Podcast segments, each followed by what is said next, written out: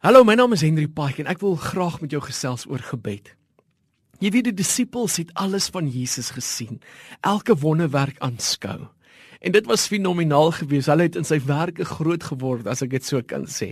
Hulle was bekend daarvan om te sien hoe Jesus die verwerpte en die teleurgesteldes, die siektes, die dooies lewe kon gee, sig kon gee, krag kon gee. Dit was fenomenaal geweest. En ek wonder wat sou jy gekies het as Jesus jou 'n geleentheid kon gegee het en hy het vir jou gesê, as daar een ding is wat jy wil hê ek moet jou leer sodat jy daarin kon suksesvol wees wees, wat sou dit gewees het? Sou dit gewees het om vir die siekes te bid, om kos te vermeerder, om dooies op te wek uit die dood, om op water te stap? Wat wat sou dit gewees het? Jy weet van al hierdie dinge wat die disippels gesien het, was daar een ding wat hulle hom gevra het om vir hulle te leer. En dit was leer ons hoe om te bid. Hoekom? Hoekom het hulle hierdie ding waargeneem?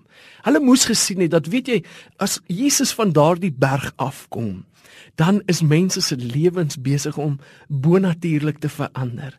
Daar is 'n bonatuurlike geestelike element van God wat betrokke is in sy lewe wanneer hy van daardie berg afstap.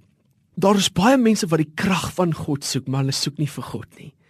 Nou intimiteit beteken jy soek vir God.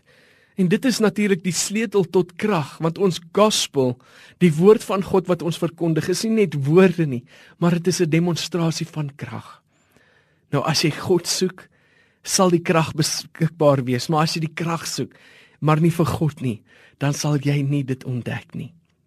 sien in die proses van intimiteit is God besig om homself te openbaar. Hy's besig om te openbaar wie hy is en dat jy hom kan vertrou. Hy's besig om jou identiteit aan jou te openbaar soos wat jy hom leer ken. Jy ken sy woord, hy leer jou sy woord. Hy gee vir jou openbaring, nou openbaring lei altyd na manifestasie toe.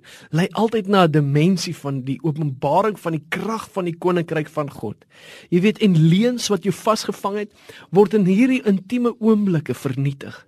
Want elke plek waar jy nie hoop het nie, is onder die invloed van 'n leuen. Ek hoop in hierdie dag dat jy kies om jou gebedslewe aan te skakel, om nader aan God te nader, want nader God en hy sal jou nader. En dit doen ons op ons knieë, want hy wat voor God buig, kan staan voor enigiets anderste. Mag jy 'n geseënde dag beleef. Totsiens.